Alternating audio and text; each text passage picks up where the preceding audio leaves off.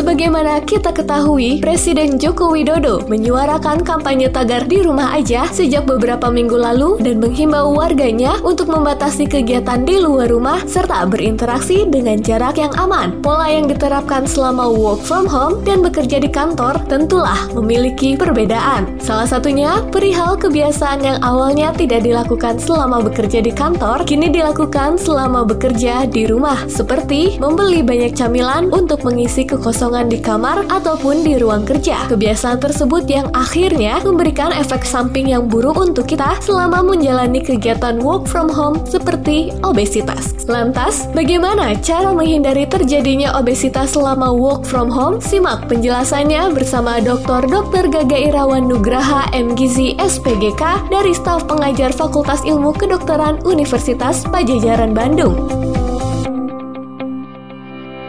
Uh, pada kesempatan kali ini kita akan membahas tentang uh, bagaimana caranya agar selama kita work from home ini tidak jadi naik berat badannya. Jadi yang terjadi kan sekarang adalah karena di rumah terus jadi naik berat badannya. Ini judulnya menghindari obesitas ya, menghindari selama obesitas selama work from home. Nah, sebelumnya sebelum uh, kita lebih jauh, kita harus tahu dulu apa yang dimaksud dengan obesitas.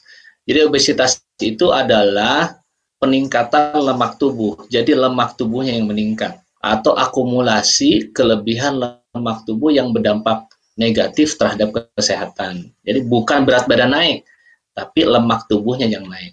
Ada juga istilah obesitas sentral. Obesitas sentral itu penumpukan lemak di daerah perut, gitu ya di daerah abdominal lebih banyak dibandingkan di daerah lain. Itu juga perlu kita perhatikan karena e, obesitas sentral ini yang sebetulnya menimbulkan e, berbagai penyakit kronis. Ya.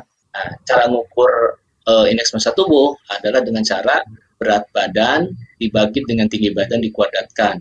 Berat badan dibagi dengan tinggi badan dalam meter dikuadratkan kalau hasilnya lebih dari 25 berarti obesitas. Yang kedua, eh, contoh misalkan seseorang tinggi badannya 165 cm, berat badan 71, artinya cara ngukurnya adalah 71 dibagi dengan tadi kan tinggi badannya 1 165 dibagi berarti dibagi 1,65 meter dikuadratkan hasilnya adalah 26,1. Berarti orang ini sudah obesitas.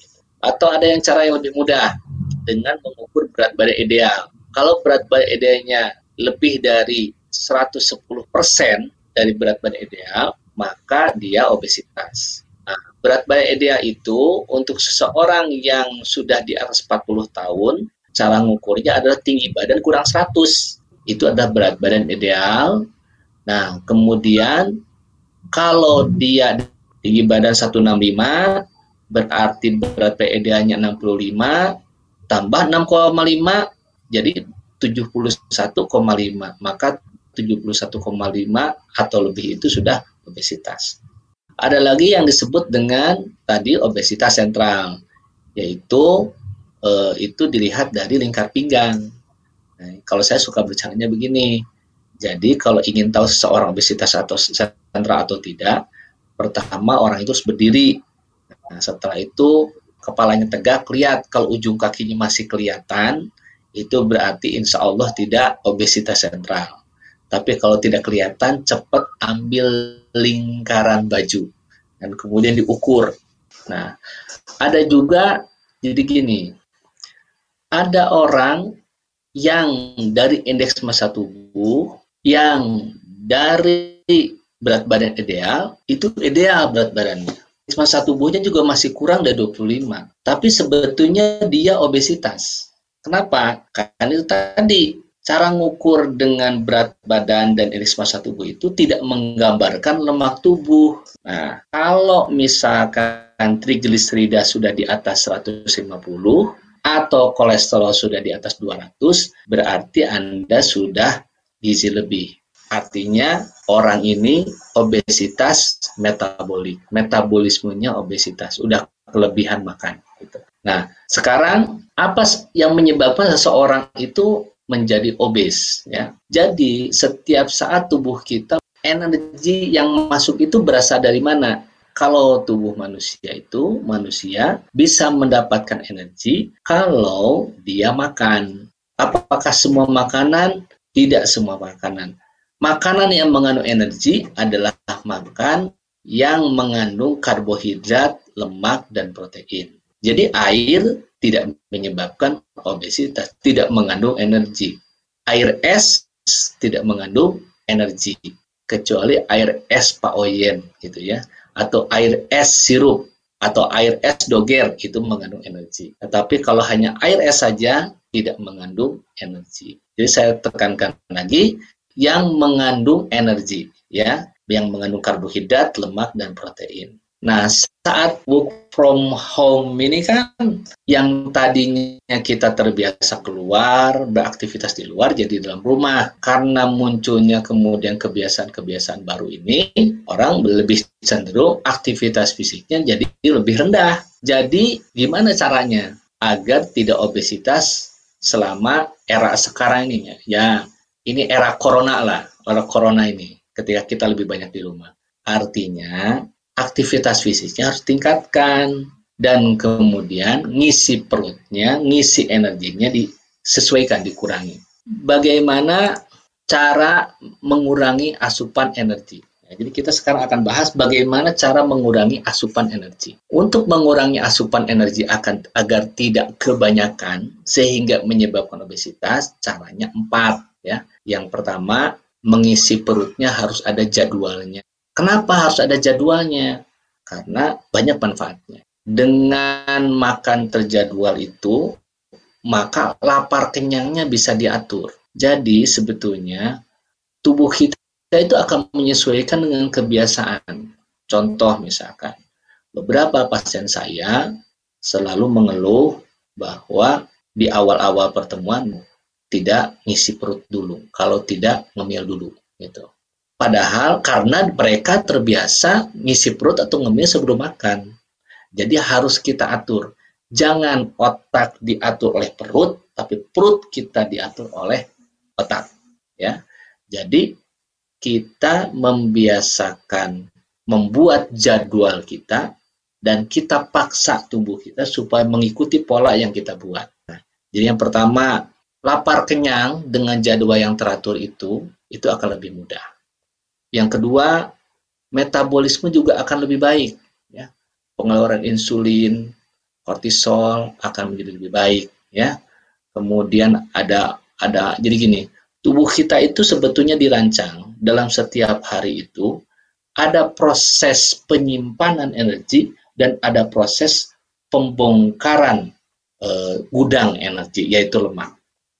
Kalau kita makan teratur, nanti akan kita saya ajarkan jadwalnya, maka di antara waktu makan itu, itu adalah proses pembongkaran energi. Jadi jadwal ini juga baik untuk orang-orang yang kencing manis gitu. Kalau punya kencing manis, kemudian suntik insulin, itu baik kalau dijalankan. Jadi nomor satu mengisi perut itu harus berdasarkan jadwal. Nah, masalahnya memang yang membuat susah adalah kita itu tidak punya budaya waktu makan teratur. Apa buktinya? Di Indonesia itu nggak ada nama waktu makan. Kalau di Western mereka punya, makanya ada namanya. Ada breakfast, ada lunch, ada dinner, gitu kan? Nenek moyang kita dulu susah makan kali ya, sehingga kemudian kita tidak punya waktu makan. Jadi waktu makan kita orang di situ kapan? Kapan waktu makannya? Ketika ada makanan. Jadi kapan pun ada nggak punya waktu makan yang teratur, selalu tersedia makanan di mana-mana. Jadi baiknya kita buat misalkan makan utama itu tiga kali sehari. Makan utama itu yang pertama harus mengandung sumber karbohidrat kompleks, yaitu nasi atau penggantinya. Saya reko eh, rekomendasikan sebetulnya nasi. Kenapa? Karena dengan nasi kita lebih mudah mengatur makanan yang lainnya untuk keseimbangan gizi. Contoh kalau misalkan kita mengganti dengan kentang, tidak cocok tuh dimakan dengan tempe goreng, gitu kan? Makan kentang itu harus dengan kacang kapri atau makan kentang dengan ikan asin misalkan. Tidak cocok juga. Jadi kalau kita dengan nasi, kita lebih bisa, bisa beragam. Meskipun tidak dilarang, kentang itu boleh. Nah, Tetapi sebaiknya yang inatura, jadi jangan bubur, jangan tim, bagusnya nasi. Tenabati tahu dari kacang-kacangan, tahu atau tempe atau kacang. Dan yang keempat, aneka sayuran. Jadi dengan begitu, tiga kali makan, kita makan tiga kali sayuran. Sayuran itu boleh dengan cara masak apa pun, ya, boleh dilalap, boleh ditumis, boleh dikrecek, ya, boleh disayur, terserah, pokoknya ada sayuran dalam tiga kali makan utama ada sumber karbohidrat, ada protein hewani, protein nabati, dan aneka sayuran. Cara masak terserah. Yang berikutnya adalah selingan. Selingannya apa? Selingannya buah. Supaya tidak naik terus berat badannya, maka buah itu jangan jadi pencuci mulut, tapi harus menjadi alas perut. Ditaruh di antara waktu makan pagi dan makan siang, dan di antara makan siang dan makan malam. Misalkan jam 10 dengan jam setengah 4 itu waktu makan buah. Kenapa buah tidak boleh setelah makan sebagai pencuci mulut? Karena kalau kita makan buah setelah makan utama, volumenya menjadi lebih besar. Kita makan nasi dan lauk pauknya satu piring, tambah buah-buahan satu atau dua misalkan. Maka lambung kita akan terbiasa dengan porsi yang besar. Sehingga apa? Sehingga kemudian akan tidak mudah kenyang. Tidak mudah kenyang karena terbiasa dengan porsi besar. Pasien-pasien saya sudah merasakan dengan pola makan ini, dia tidak bisa makan banyak. Jadi lambungnya jadi mengecil. Yang kedua, dengan diberikan buah-buahan berair banyak di antara waktu makan, Misalkan di sini jam 10 makan buah, jam 12.30 makan siang, maka ketika makan utama masuk ke dalam lambung, ke dalam usus, lambung dan usus, ususnya sudah terlapisi dengan serat larut air ya yang berada di usus halus sehingga kolesterol keikat, lemak yang berlebih terikat gitu ya, termasuk juga bahkan zat-zat yang lain yang tidak bermanfaat itu bisa terikat oleh serat yang sudah melapisi lambung. Dengan pola makan ini, tiga kali makan utama, dua kali buah-buahan, maka kita akan mendapatkan lima kali buah dan sayur. Lima kali, lima porsi buah dan sayur. Dari buah dan sayur ini, kita akan mendapatkan serat tidak larut air, serat larut air, vitamin, mineral, dan phytochemical. Jadi sebetulnya nggak usah apa banyak-banyak yang sekarang sedang rutin itu apa empon-empon gitu ya tidak usah menyengajakan banyak-banyak amat. Jadikanlah empon-empon itu termasuk berbagai bumbu itu menjadi bagian dari masakan yang kita buat ya. Sayuran boleh dibuat minuman silahkan. Nah karena apa? E, jadi gini di dalam sayuran dan buahan itu, pokoknya terdapat yang yang berasal dari tumbuhan itu terdapat zat-zat non gizi, bukan karbohidrat, bukan lemak, bukan vitamin, bukan mineral yang disebut dengan phytochemical. Phytochemical ini bukan zat gizi tapi bermanfaat kesehatan. Ada yang disebut dengan epigalokatekin misalkan pada teh hijau, kemudian quercetin itu pada kopi ada, pada sayuran ada, gitu ya. Kemudian ada ada dietzain, genistein itu pada uh, kedelai misalkannya atau fitoestrogen pada kedelai. Jadi banyak zat bermanfaat, bukan zat gizi, itu terdapat semua pada tumbuhan. Jadi dengan mengkonsumsi dengan pola makan ini kita dapat 5 porsi sayuran dan buah sehari. Insya Allah itu cukup. Nah, kemudian nah, sekarang gimana caranya agar makan utama tidak berlebihan? Ya caranya pertama cuci tangan sebelum makan. Yang kedua menyusun makanan itu ke arah lebar piring, jangan ditumpuk. Jadi tidak kelihatan banyak. Jadi kelihatan banyak lebar piring. Yang ketiga berdoa dulu sebelum makan. Kalau yang muslim baca Bismillah, ya sebelum makan berdoa. Yang keempat tidak sambil mengerjakan yang lain yang kelima, porsi suapan kecil, jangan banyak-banyak. Yang keenam, nikmati makanan dengan kunyahan yang santai. Jadi tidak usah e, terburu-buru ya, santai saja. Yang ketujuh, menyuap ketika mulut sudah kosong.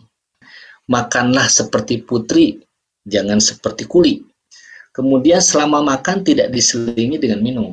Jadi habiskan dulu makannya sampai habis baru kemudian minum. Yang kesembilan, stop makan sebelum kenyang. Kenapa stop makan sebelum kenyang? Karena gini, ternyata antara penuhnya lambung dan rasa kenyang itu perlu jeda waktu sekitar 5 sampai 10 menit. Saya ulangi ya, antara lambung penuh dengan rasa kenyang itu perlu waktu antara 5 sampai 10 menit. Jadi kalau kita makan sampai kenyang, terasa kenyang, 10 menit kemudian akan terasa sangat kekenyangan. Itu yang disebut kalau orang sudah bilang kamerkaan, kekenyangan. Nggak enak, sebah perutnya nggak enak. Ya. Jadi stop makan sebelum kenyang. Yang 10, setelah selesai, barulah kemudian minum. Setelah itu membaca doa. Dan yang 11, segera tinggalkan meja makan. Nah, dengan cara 1 sampai 10 tadi, ini akan terlatih perutnya menjadi dengan porsi yang kecil, insya Allah kenyang. Sekarang selingannya harus apa? Selingannya pilihlah buah-buahan yang berair banyak. Kayak semangka, melon, jeruk, nanas, buah naga. Pilih yang berair banyak. Di gorila itu makannya buah-buahan dan itu berat beratnya 200 kg. Jadi segala sesuatu tidak boleh berlebihan. Sekarang menghindari makanan minuman yang menggemukkan. Apa saja? Yang pertama, ya, hindari semua makanan yang terbuat dari tepung. Mau tepung terigu, tepung aci, atau tepung beras. Kenapa?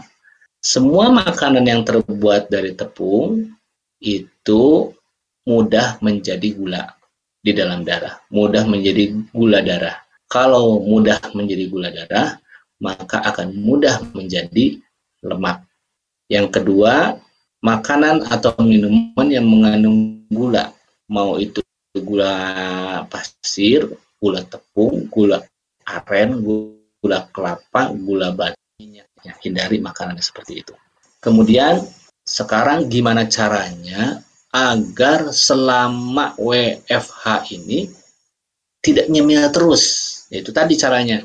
Jadwalnya tetapkan. Kita harus punya jadwal makan. Di luar waktu makan yang tadi, itu berarti kita tidak mengkonsumsi yang lain. Biarkan saluran cerna kita istirahat. Jam 7 makan utama, jam 10 makan buah. Di antara jam 7 sampai jam 10 mulutnya istirahat, perutnya istirahat, kerjakan yang lain antara jam 10 sampai 12.30. Ya sudah, setelah makan buah, enggak mengkonsumsi yang lain, kecuali air bebas, nanti ketemu makan lagi jam 12.30. Ya. Jadi makan itu harus ada jadwalnya. Yang berikutnya, agar kita tidak mengkonsumsi cemilan atau tidak tergoda adalah coba untuk yang sudah obesitas atau obesitas metabolik itu makanan disimpan di tempat yang mudah yang tidak mudah dijangkau ya Jangan berjajar semua tempat kue di depan ini menggoda. Kalau belanja, coba pisahkan tuh. Kalau cemilan itu hanya untuk anak. Jadi gini ya, sembilan di luar buah itu hanya diperuntukkan untuk terutama terutama yang pertama anak yang sedang tumbuh yang tidak obesitas, anak yang sedang tumbuh. Yang kedua ibu hamil, yang ketiga ibu menyusui, yang keempat orang yang kekurangan gizi dan punya penyakit kronis yang menyebabkan dia kekurangan gizi. Kalau kita tidak termasuk yang ini, artinya cemilannya hanya buah bagusnya, kecuali kalau kita kurang gizi, kurus, ya. Gitu. Yang berikutnya adalah supaya kita tidak mulai cemilan, kita mengurangi cemilan, ya kita harus minta dukungan anggota keluarga. Makanya kalau pasien saya datang suami istri, memang bagusnya dua-duanya kompak Jangan sampai yang satu ingin diet, yang lain menggoda. Anaknya ingin diet, ibunya yang kasihan, gitu kan. Akhirnya ya tidak jadi itu, ya. Begitu cara mengurangi cemilan, ya. Yang berikutnya kita akan bahas tentang gimana agar kebutuhan energi kita meningkat. Kalau kebutuhan basal untuk bernapas, berdetak jantung, untuk proses-proses di dalam tubuh itu tidak akan berubah gitu ya segitu saja. justru akan menurun dengan bertambahnya usia. Jadi faktor U. Dengan faktor U, maka metabolisme ini akan lebih hemat sehingga kita lebih mudah gemuk. Tetapi ada yang bisa kita ubah dan kita sesuaikan, yaitu aktivitas fisik. Ya, kalau aktivitas fisiknya meningkat, maka kebutuhan energi kita akan meningkat. Gimana caranya?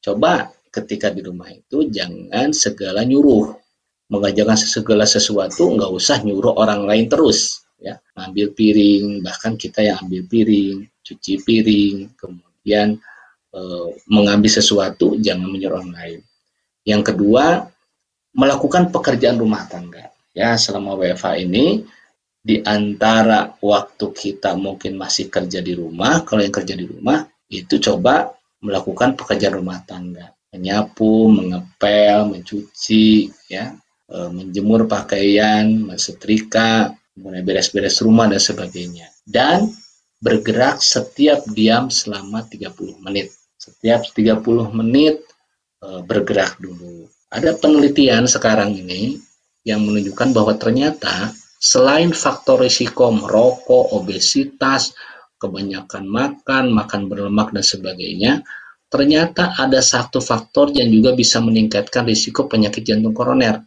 yaitu apabila orang lebih banyak diam daripada bergerak. Karena itu sebaiknya bergerak setiap diam selama 30 menit. Nah, yang berikutnya adalah melakukan aktivitas olahraga. Kalau definisi saya, ya olahraga itu olahraga adalah aktivitas fisik yang kita sengaja lakukan untuk melatih untuk melatih otot-otot besar terutama. Otot besar itu otot lengan dan otot paha terutama ya. Melakukan olahraga gimana caranya? Sebaiknya yaitu melakukan aerobik intensitas ringan dan sedang dan weight training ya Ringan yang sedang itu jalan di tempat, jalan cepat, jalan cepat, jogging gitu ya. Kemudian juga eh, apa? skipping misalkan atau senam ya. Baiknya kita lakukan setiap hari itu selama kita WFH ini. Dan yang kedua, weight training. Weight training itu menggunakan beban ya. Bawa tangan, beli barbel, kalau tidak barbel bolehlah pakai apa gitu Nah, itu 30 sampai 80 menit diawali dengan stretching, diawali dengan olahraga terlebih dahulu, ya, baik sebelum ataupun sesudah.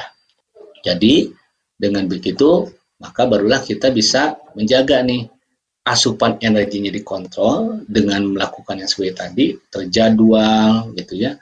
Kemudian menghindari makan yang menggemukkan. Nah, tapi pada akhirnya apa pun yang kita bahas ke saat ini, yang penting adalah kemauan. Kita harus mau untuk melakukan itu. Niatnya harus kuat ya. Karena apa? Karena segala sesuatu diawali dengan niat dan masalahnya adalah ini adalah investasi jangka panjang ya. Jadi bukan hanya masalah masalah e, kosmetik aja berat badan naik itu. Masalahnya adalah bisa memiliki e, dampak jangka panjang yaitu meningkatnya risiko penyakit kronis Demikian yang bisa saya sampaikan, mudah-mudahan bermanfaat. Itu tadi penjelasan mengenai cara menghindari obesitas selama work from home yang dipaparkan oleh Dr. Dr. Gaga Irawan Nugraha MGC SPGK dari staf pengajar Fakultas Ilmu Kedokteran Universitas Pajajaran Bandung.